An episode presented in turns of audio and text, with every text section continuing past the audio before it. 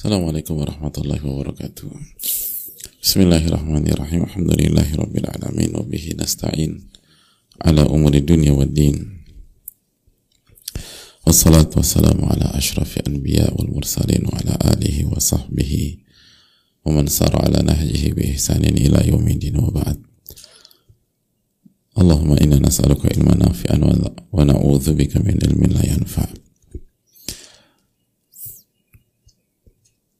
Hadirin Allah muliakan Alhamdulillah kita panjatkan puji dan syukur kita kepada Allah subhanahu wa ta'ala atas nikmat yang Allah berikan dan tidak Allah henti-hentikan kepada kita. Nikmat yang dengannya kita bisa bernafas bisa melangkah bisa beraktivitas bisa sujud bisa ruku bisa takarub kepada Allah subhanahu wa ta'ala uh, beberapa waktu yang lalu saya uh, mengunjungi salah satu uh, sesepuh atau orang tua. Lalu beliau menyampaikan bahwa pada saat itu beliau sedang sakit hadirin. Lalu beliau sampaikan bahwa hal yang paling beliau ingat hal yang, paling beliau inginkan pada saat ini adalah diberikan kemampuan untuk bersujud kepada Allah Subhanahu wa taala. Karena dengan sakitnya beliau tidak bisa sujud. Beliau harus sholat dalam kondisi duduk. Jadi ketika seseorang punya keinginan ingin apa membeli rumah, merenovasi atau beli mobil atau ingin uh, traveling di uh, musim panas nanti atau summer nanti ke atau musim dingin nanti ke sana dan kemari. Uh, rumah beliau sangat sederhana setahu saya kendaraan nggak punya. Uang beliau tidak banyak. Namun beliau nggak inginkan hal-hal tersebut. Yang beliau inginkan adalah agar diri ini bisa bersimpuh dan bisa sujud di hadapan Allah Subhanahu wa taala. Dan itu renungan dalam bagi kita kita yang bisa sujud dengan sempurna kita yang bisa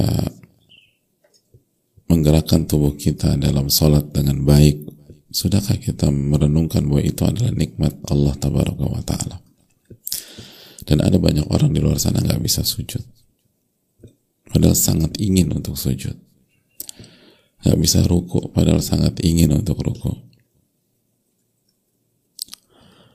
Lalu bagaimana dengan diri ini yang masih mampu, masih sanggup? Tapi jangankan memaksimalkan, sadar aja enggak sering kali kita. Jarang di antara kita yang ketika ditanya apa sih nikmat Allah pada hari ini, Allah masih kasih kesempatan saya untuk sujud kepadanya. Allah masih memberikan kekuatan kepada saya untuk bisa sujud dengan tujuh anggota tubuh kita.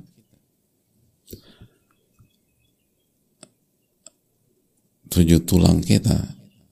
Sabati a'zum. Tujuh tulang. Lalu itu sangat mahal. Dan sebagaimana nikmat-nikmat yang lain, kesadaran sering kali ketika semua sudah hilang penyesalan itu ketika dicabut hadirin. Ketika belum dicabut jarang di antara kita yang sadar tentang itu. Oleh karena itu marilah kita bersyukur kepada Rabbul Alamin.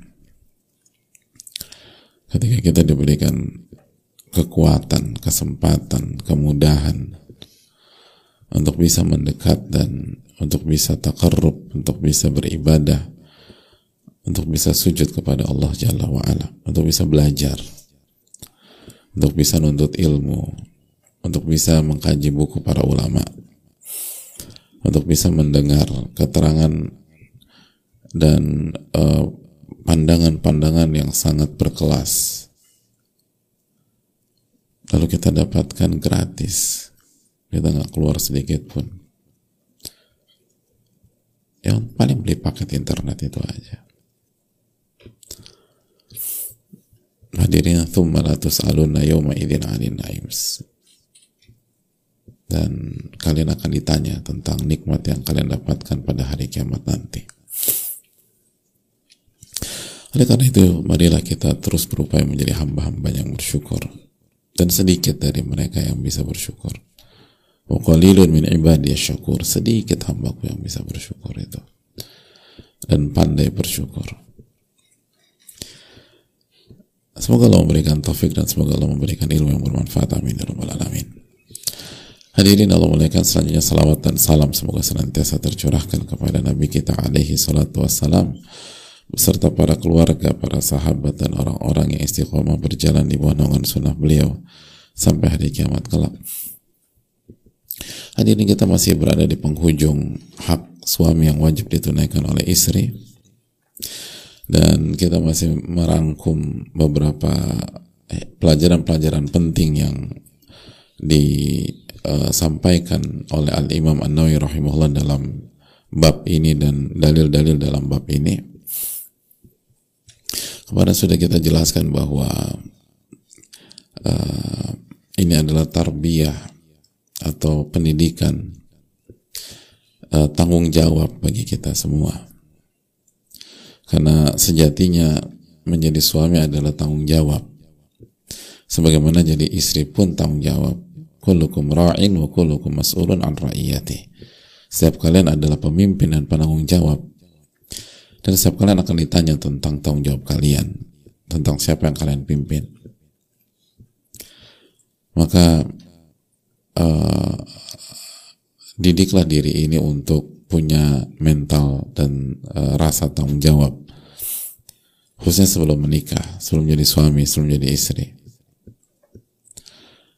dan sadarilah ketika kita ambil keputusan untuk menikah, maka kita memutuskan untuk memikul tanggung jawab yang jauh lebih besar dari yang sebelumnya kita lakukan. Dan kita akan ditanya oleh Allah Taala. Itu hal penting dalam hidup. Ini bukan seru-seruan semata. Ini bukan tentang uh, apa uh, sebatas uh, hiburan tapi ini adalah tanggung jawab lalu pada kesempatan kali ini hadirin Allah muliakan di antara pelajaran dari bab ini bahwa salah satu konsep dasar rumah tangga adalah ujian. Salah satu konsep dasar rumah tangga adalah bahwa rumah tangga adalah sebuah ujian. Sebagaimana hadis Usama bin Zaid, "Ma taraktu ba'di fitnatan hiya adharru 'ala rijali minan nisa." Aku tidak pernah meninggalkan sebuah ujian setelah aku wafat yang lebih uh, berbahaya. Bagi laki-laki dibanding ujian wanita. Dan kita sudah membahas bahwa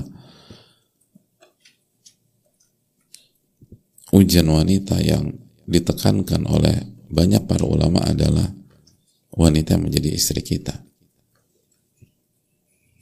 sebagaimana suami adalah ujian bagi istri waja'alna ba'dukum li ba'din fitnatan atasbirun dan kami jadikan interaksi dengan kalian sebagai ujian. Hadirin Allah muliakan.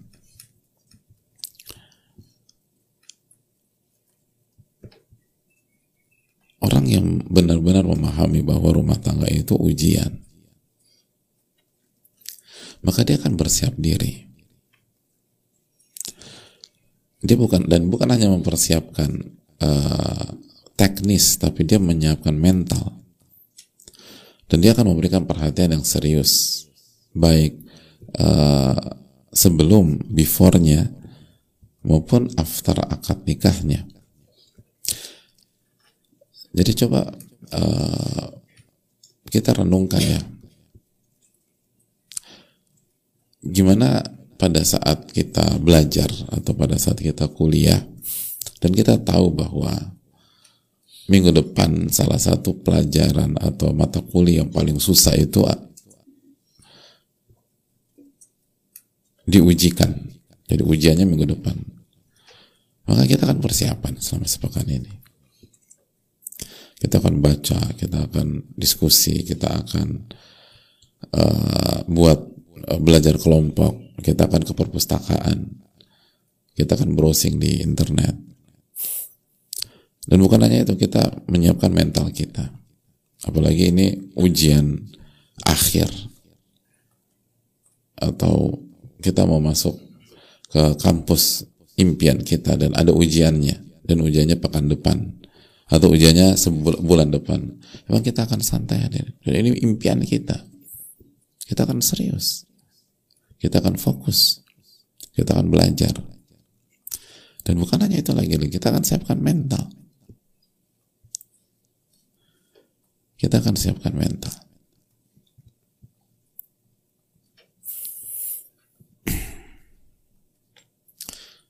Sebagian bimbel itu untuk uh, uh, untuk mempersiapkan uh, peserta atau murid-muridnya atau peserta yang daftar di bimbel tersebut menghadapi uh, ujian masuk perguruan tinggi negeri. Kalau sekarang apa sih? Kalau kan UMPTN, sekarang apa? Ya udah nggak apa-apa. Masih enggak beda karena namanya ganti-ganti itu sampai menuliskan sebuah apa membangun narasi tertentu lalu menyematkan nama tertentu. Gitu. Jadi menyematkan nama tertentu bagi mereka yang akan ujian masuk perguruan tinggi negeri. Khususnya yang uh, misalnya kemarin tidak lulus apa di per, usaha pertama nggak lulus lalu ambil bimbel untuk ujian tahun depan. Itu bukan hanya dia sebagian bimbel itu bukan hanya mengajarkan mengajarkan uh, teori rumus atau latihan soal tapi juga ditanamkan mental gitu biar nggak grogi biar semangat biar optimis. Karena mereka kehilangan satu tahun jangan sampai gagal lagi. Jadi semua dipersiapkan. Nah pertanyaannya kita menghadapi pernikahan seperti itu apa enggak?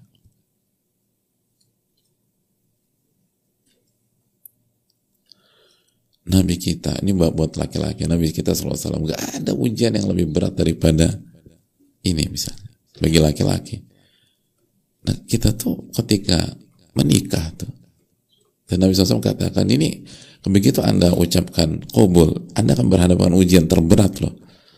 Kita ada persiapan apa enggak? Atau kita tenggelam dalam euforia? Merubah status. Gitu loh. Lalu uh, alih alih apa uh, alih jabatan gitu loh. Gitu loh.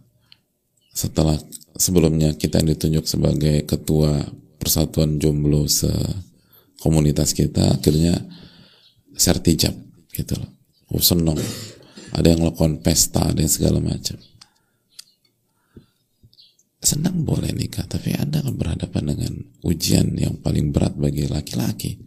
Itu Nabi Anda yang selalu-selalu mengatakan demikian. Kenapa nggak ada perhatian sama sekali dalam sisi itu? Ya wajar setelah menikah babak belur habis itu. ribut ya berantem ya segala macam. Ya kalau marahnya mendidik ada masalah. Tapi kalau marahnya melibatkan emosi apalagi tangan main juga kata-kata kotor. Ya itu menunjukkan kita tuh nggak nganggap ini sebagai ujian lalu coba kita kembali lagi ke apa uh, filosofi ujian ya. Ketika kita itu pada saat persiapan itu hamin. Gimana ketika kita menghadapi hari H dan H plusnya pas ujian? Pas kondisi pas sedang ujian? Kita akan serius. Yang pas lagi ujian nih. Yang nggak pernah sholat malam sholat malam tuh pas ujian yang nggak pernah puasa Senin Kamis puasa nih kenapa mas puasa? Ujian biar berkah. Gitu. yang nggak pernah zikir pagi zikir pagi itu pagi itu. Asbahna wasbahal mulku lillah. La ilaha illallah. Om terus. Allahumma inna as'aluka khairu hadzal yaum khairu hadzal yaum gitu. Yang ada di benaknya itu mata kuliahnya atau mata pelajarnya khairu hadzal yaum khairu hadzal kan ya Allah berikan aku kebaikan hari ini gitu minta sama Allah A'udzu bi kalimatillahi tammati min syarri ma khalaq. Oh, ingat, ya Allah aku berlindung kepada nama dan eh, kepada eh, engkau dan firman-firman engkau dari keburukan makhluk-makhlukmu gitu loh. Yang diingat semoga nggak lupa nanti. Semoga tetap ingat gitu. Itu, itu demikian. Agar apa? Agar begitu pas ujian bisa doa dulu doa itu kalau ujian doa nggak sih enggak masuk doa atau doa? Hah? enggak. Doa apa? Mau tidur? Loh, ya ini kejadian ke mana ujian tidur mana tuh? Dan lulus juga subhanallah. Emang wali antum ini. Masya Allah. Kemarin kan beberapa kita tidur pas ujian. Bukan satu. Bisa itulah tidur. Pertanyaan kok bisa lulus itu loh gitu. Subhanallah. Terus kulturnya masih gitu nggak sih? Begitu masuk ke ruang ujian tuh benar-benar buka-buka last minute gitu loh. Udah nggak gitu lagi? Di apa udah pada masuk masih buka-buka gitu. Jadi benar-benar maksimal. Nah saya mau tanya kalau kalau di di hari-hari pernikahan gitu apa enggak buka-buka buku tentang bab nikah gitu. buka-buka tentang iman buka-buka tentang bab kesabaran karena lagi miskomunikasi sama istri ini buka-buka buka-buka kesabaran pas lagi ada per apa pertengkaran dengan istri langsung buka bab bab konaah bab konaah gitu ada nggak sih kita gitu Ya karena kita nggak nggak rumah tangga tuh ujian gitu aja. Makanya kita nggak ada persiapan sama sekali. Beda ketika kita ujian di kampus kita, ujian di sekolah kita, benar gitu, serius gitu. Dan kita hadapin gitu loh. Itu soal demi soal kita hadapi. Soal demi soal kita hadapi. bahkan sebagian kita istikharah dulu sebelum soal-soal penting tuh apalagi multiple choice gitu loh gitu. istikharah kalau yang nggak ngerti mentok-mentok di misalnya tebak kancing gitu. Tapi kalau itu benar-benar artinya benar-benar jangan sampai salah. Difokus gitu. Kita kalau nadapin masalah rumah tangga dihadapi kan itu kita udah, udah selewat lah udah, udah, udah. Sampai apatis gitu udah nggak tertarik dah. ada betapa banyak roh pasangan itu. Bertahun-tahun nggak bicara sama pasangannya udah udah apatis saja dan nggak dihadapi. Akhirnya mengkristal mengkristal mengkristal hancur. Bukankah waktu ujian kita akan hadapi apa namanya masa apa ujian soal demi soal dan kita punya prinsip kalau ujian apa malah idrukukulu la idrukukul malah idrukukulu la idrukujulu benar nggak sesuatu yang nggak bisa dikerjakan semuanya bukan berarti bukan bukan berarti ditinggalkan semuanya ya nggak Padahal udah mentok nih, udah tulis aja udah. Nggak bisa kasih jawaban 100%, 90%. Nggak bisa kasih jawaban 90% kalau esai ya, 80%. Nggak bisa 80%, 70%. Jadi jangan sampai kosong gitu. Bukan sebagian orang di saat saya kuliah, itu ngawur aja nulisnya. Kadang-kadang soalnya ditulis lagi. Berharap agar dosennya nggak baca serius gitu loh gitu, jadi bacanya audisi gitu udah kasih ini sampai begitu rojaknya tuh saya begitu gitu loh berharapnya tuh sampai sampai seaneh itu gitu. Bahwa ditulis gitu loh kadang-kadang kadang tulis permintaan maaf mohon maaf Pak dosen saya nggak belajar saya lupa tentang masalah ini. Semoga Pak dosen yang baik hati semoga kasih uh, kasih maaf dan kasih nilai tulisan bagi saya gitu. Nggak apa-apa dia nggak sempurna. Tapi yang penting di soal ini saya dapat nilai. Itu sampai ada yang begitu loh. Gimana caranya tuh diperjuangkan gitu loh setiap nomor tuh itu poinnya. Padahal udah mentok tuh diperjuangkan. Nah kita kalau rumah tangga emang kita perjuangkan seperti itu setiap masalah masalah rumah tangga.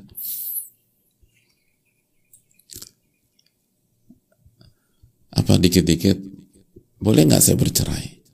Dikit-dikit boleh nggak saya berpisah? Saya tidak mengapa mengeneralisir semua masalah. Ada masalah-masalah yang harus berpikir ke sana. Tapi ada masalah yang nggak sampai ke sana. Cuman kita nggak mau menghadapi aja oleh karena itu hadirin Allah muliakan. Ini ini konsep ini mahal banget sebenarnya. Kalau kita sadari. Dan itu akan mengasah diri kita. Ini kan berarti setiap hari itu kita ujian.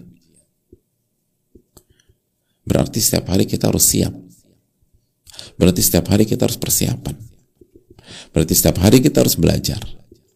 Berarti setiap hari kita harus berdoa berarti setiap hari kita harus mendekat kepada Allah berarti setiap hari kita harus fokus setiap hari kita harus menghadapi masalah setiap hari kita harus menghadapi kasus. Itu bayangkan kalau kita benar-benar memahami konsep ini. Betapa berkembangnya diri kita. Berkembangnya ketakwaan kita dan berkembangnya iman kita. Kan biasa setiap hari. Beda dengan orang yang ujiannya setahun sekali. Lu kok masih main? Bukannya ujian? Ujian kan dua bulan lagi, gitu kan. Si lama, jadi masih bisa dong santai. Uh, kongko-kongko, jalan-jalan segala macam. Kenapa? Ujiannya masih lama. Tapi kalau orang uj orang ujian tiap hari, tiap hari dia ujian. Oh, itu luar biasa. Dia dipaksa untuk belajar. Dia dipaksa untuk fokus. Dia dipaksa untuk uh, berbuat baik. Dan akhirnya dia akan terbiasa. Lalu kalau dia ikhlas, dia akan menikmati itu. Dan kalau dia ikhlas, tanpa dia sadari, dia akan semakin berkualitas. Oleh karena itu, lihatlah uh, segala hal dari sisi positif. Uh, ujian yang berbahaya itu itu mengandung konsekuensi kita harus menyikapinya dengan serius dengan ilmu dengan ketakwaan dengan iman dengan tawakal dengan berharap kepada Allah taala dengan mentauhidkan Allah tabaraka wa taala. Dan semoga kita diberikan taufik untuk uh, bisa menjalani ujian ini dengan baik dan husnul khotimah. Saya rasa cukup dan kita buka sesi tanya jawab. Wassalamualaikum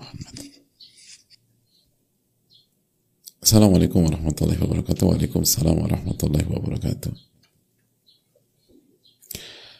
Uh, semoga Allah senantiasa merahmati Imam Nawawi, orang-orang beliau cintai. Semoga senantiasa menjaga Ustadz, juga tim dan seluruh kaum muslimin. Amin dan ya alamin.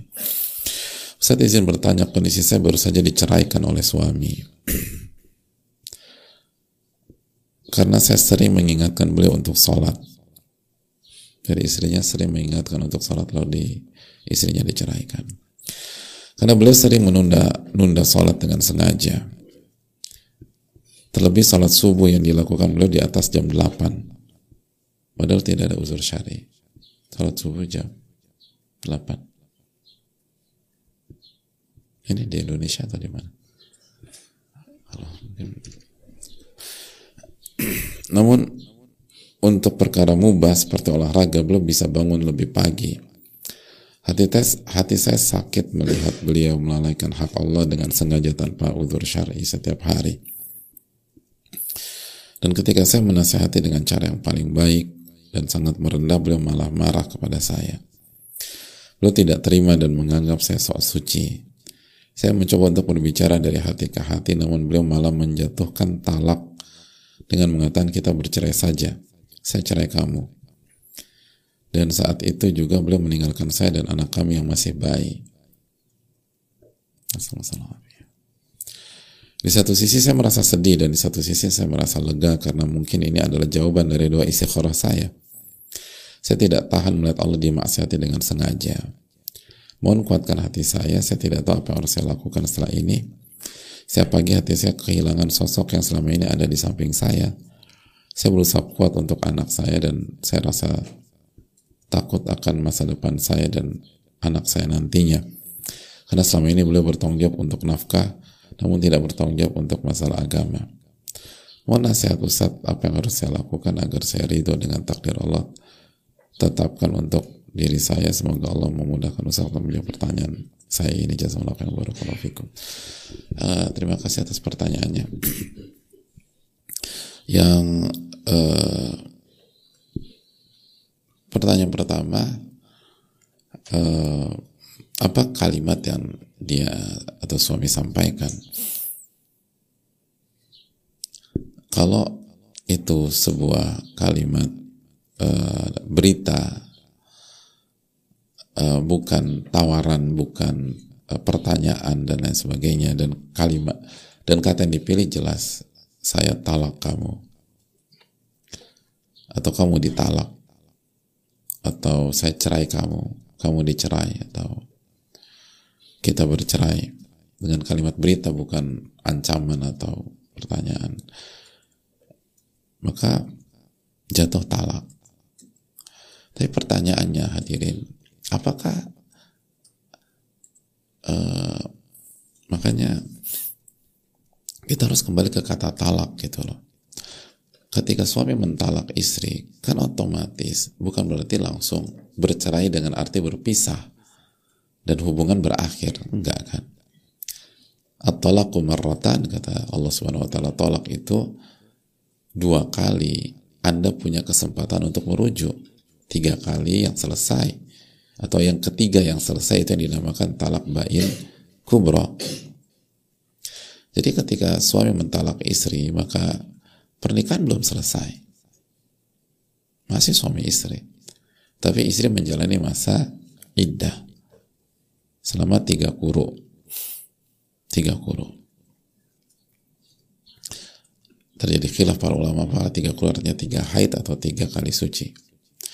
Lalu setelah nah, nah selama tiga kuru itu suami punya hak untuk merujuk atau kembali.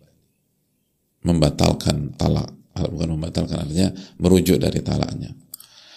Dan kalau suami rujuk sebelum tiga apa uh, tiga kuro itu berakhir maka uh, konsekuensi dari talaknya pun selesai. Tapi terhitung talak satu dan kondisi rumah tangga kembali normal. Dan ini masih tetap suami istri. Lalu nanti suatu, suatu ketika misalnya suami mentalak lagi maka jatuh talak dua. Masih masih masih suami istri? Masih suami istri tapi istri mengalami masa iddah tiga kali kuruk lagi. Kalau tidak dirujuk maka pernikahan berakhir setelah tiga kuruk selesai. Tapi kalau dirujuk maka kembali normal. Dan masih suami istri. Sampai ketika suami mentalak ketiga kali saya talak kamu kata suaminya. Maka otomatis pernikahan berakhir. Dan tidak bisa dipersatukan sampai istri apa mantan istrinya menikah dengan laki-laki lain dengan natural. Tidak diskenariokan untuk kembali ke suaminya lagi. Jadi eh, ini perlu didudukkan nih karena pertanyaannya eh, beliau malah menjatuhkan talak gitu. Menjatuhkan talak. Kalau ini talak satu pernikahan masih ada. Pernikahan belum berakhir jadi coba pastikan ini talak satu kah atau talak dua atau memang talak tiga yang yang konsekuensinya pernikahan telah berakhir. Itu yang pertama. Yang kedua kalau memang ini pernikahan sudah berakhir maka kalau memang kondisinya seperti ini yang perlu kita lakukan adalah yang pertama perbanyak istighfar dan taubat banyak istighfar semoga Allah ampuni kita. Khususnya ketika kita menjalankan tugas sebagai seorang istri dan tentu saja sebagai seorang hamba hamba Allah. Yang kedua eh, evaluasi kinerja kita sebagai istri. Mungkin yang mungkin kita sudah kasih nasihat tapi nasihatnya kurang hikmah. Mungkin kita merasa sudah lemah lembut sudah santun tapi ternyata tidak Jadi coba evaluasi dulu karena banyak istri merasa aku tuh udah nasihati baik-baik dan dan merendah banget, udah santun banget ketika ditanya emang cara kamu nasihatnya gimana? Ya begini-begini. Itu mengatur, Mbak, bukan baik-baik. Itu kayak supervisor. Itu kayak komandan pasukan, nggak bisa. Jadi evaluasi cara kita memberikan nasihat jadi terus evaluasi. Terus yang berikutnya, renungkan firman Allah dalam surat An-Nur ayat 26. Wattayyibatu litayyibin. Wattayyibuna litayyibat. Wanita yang baik itu untuk laki-laki yang baik. Dan laki-laki yang baik itu untuk wanita yang baik. Penjelasan eh, ayat ini butuh waktu tapi kita tahu ayat ini turun untuk membersihkan nama baik Aisyah radhiyallahu taala anha. Dan uh, membela harkat martabat dan nama baik beliau radhiyallahu taala anha. Ketika beliau dituduh berzina dan Allah katakan watayyibatu litayyibin wanita-wanita yang baik untuk laki-laki yang baik ini artinya ini istri siapa kata Allah. Istri Nabi SAW nggak mungkin beliau demikian. Sebagaimana laki-laki yang baik untuk wanita yang baik. Karena karena itu uh, kalau memang ini apa sudah terjadi perceraian maka insya Allah ini jalan Allah membukakan lembaran baru buat kita jalan untuk mendapatkan kehidupan yang jauh lebih baik lagi. Dan jangan trauma. Coba perbaiki diri. Ini kesempatan kita nata dari awal gitu. Tadi kita bilang kita apa uh, tidak tahan melihat Allah dimaksiati. Nah pertanyaannya yang memilih beliau jadi suami kita itu siapa? Kan mayoritas kasus begini ya kita juga. Berarti kan itu itu kesalahan kita juga.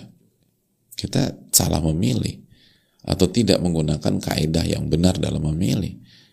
Nah dengan kondisi begini kan ini kesempatan kedua ini untuk menata diri dari awal dan menata kehidupan dari awal. Dan jangan sampai salah. Jangan sampai salah salah membangun kembali.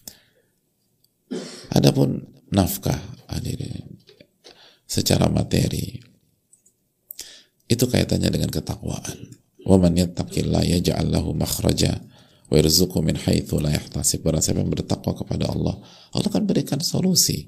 Dan Allah akan berikan rezeki dari arah yang tidak ia duga-duga. At-Talaq ayat 2 dan 3 maka bertakwalah kepada Allah. Dan rizki kita secara materi itu itu Allah yang ngasih dikasih sama Allah.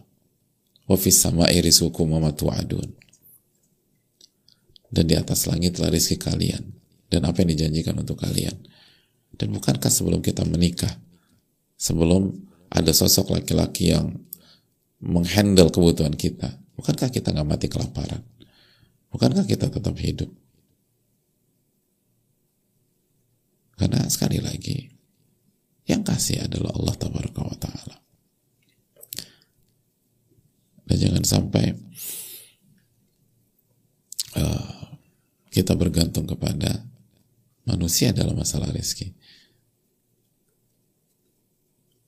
Sebagaimana kita nggak mau suami kita bermaksiat, ya kita jangan maksiat juga.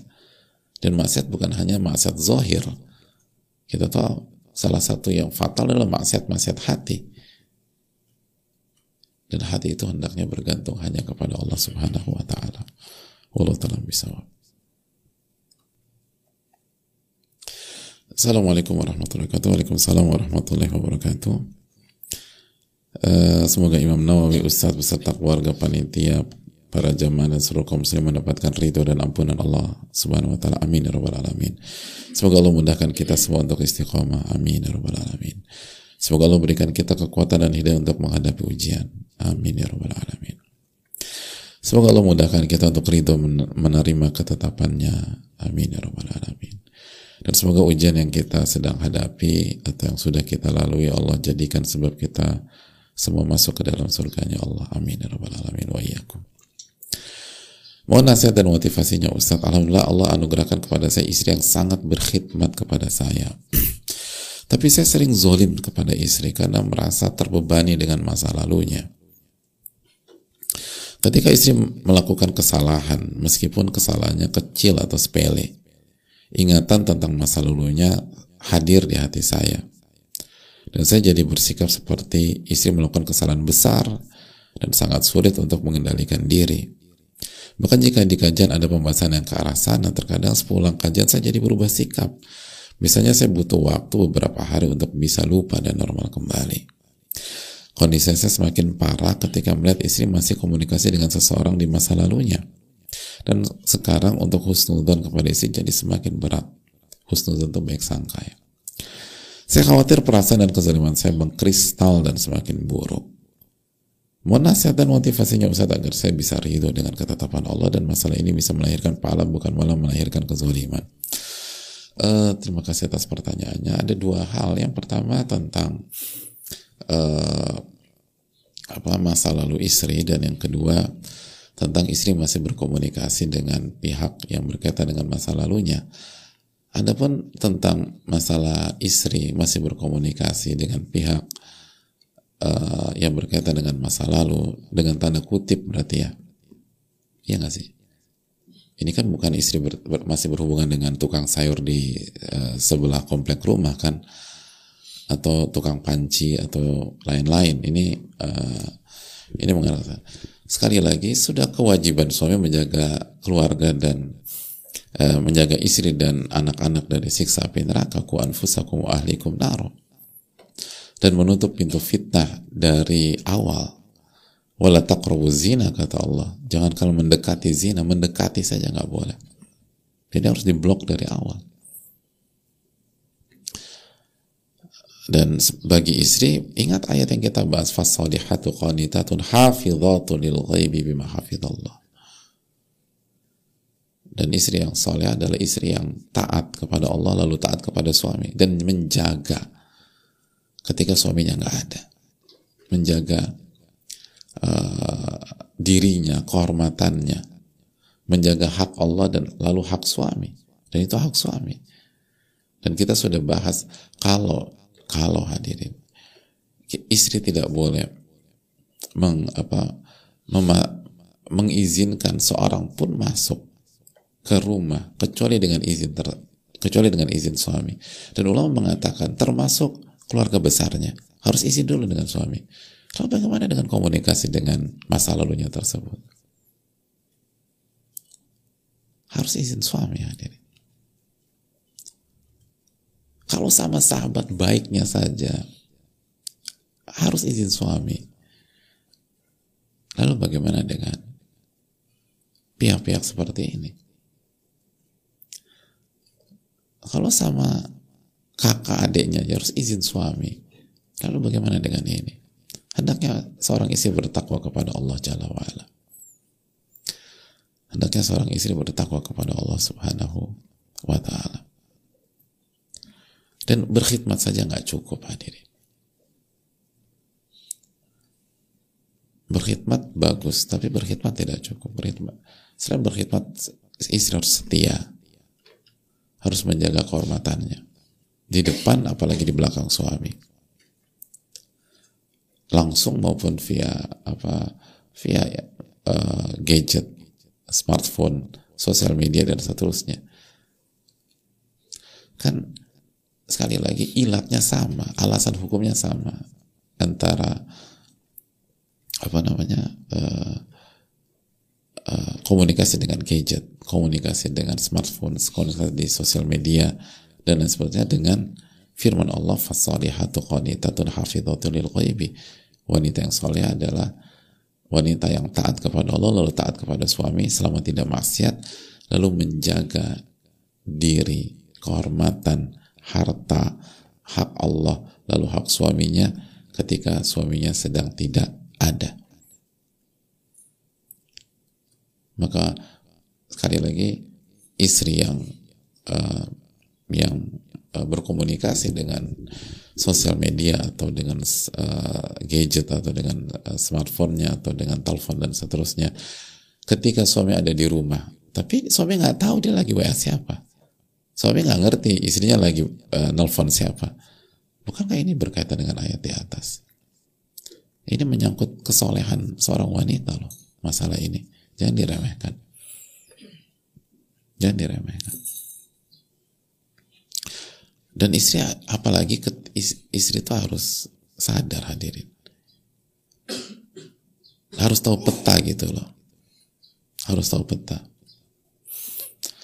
Kata Umar bin Khattab radhiyallahu taala diriwayatkan dari Umar bin Khattab bahwa uh, istri yang salehah adalah istri yang istri yang akilah li umuriha. Akilah li umuriha. Jadi istri yang punya kecerdasan dan akal sehat untuk urusan-urusannya atau perkara-perkaranya. Artinya gini loh hadirin wanita itu atau istri itu harus punya akal sehat dan kecerdasan tentang urusan-urusannya. Dia harus tahu persis apakah masa lalunya mendukung dirinya atau tidak mendukung dirinya. Apakah masa lalunya berdampak kepada suaminya atau tidak berdampak kepada suaminya apakah masa lalunya bisa membuka atau rentan membuka pintu masuk syaitan dalam rumah tangganya atau jauh dari pintu masuk syaitan? Dia harus ngerti tentang hal itu. Cara menyikapi wanita soleha antara yang nggak punya masa lalu yang buruk. Masa lalunya bersih gitu loh. Terhormat dengan wanita yang punya masa lalu yang yang ada catatan-catatan. Itu beda Wanita yang akilah, yang cerdas, yang diberikan taufik, yang uh, yang bertakwa sama Allah, ketika dia sadari, dia sadari bahwa urusannya di masa lalu atau perkaranya di masa lalu itu rentan membuka pintu syaitan. Itu rentan membuat suaminya tidak percaya dengan dia. Itu rentan membuat suaminya nggak nyaman dengan dia. Dia harus cut lebih lebih apa lebih lebih maksimal daripada wanita soleha yang masa lalunya bersih dia harus tutup pintu itu lebih lebih maksimal lagi lebih saklek lagi, lebih disiplin lagi, lebih hati-hati lagi, dan dia harus lebih menjauh dari pintu-pintu itu. Karena itu pintu masuk syaitan buat rumah tangganya. Dan syaitan akan goda suaminya dari pintu itu. Sedangkan percaya apa kepercayaan itu mahal.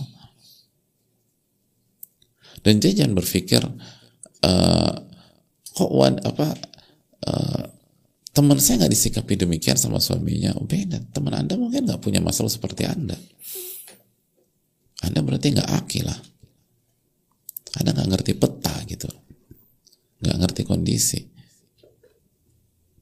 Allah taala eh, anda berbuat maksiat di masa lalu. Anda buat kesalahan di masa lalu.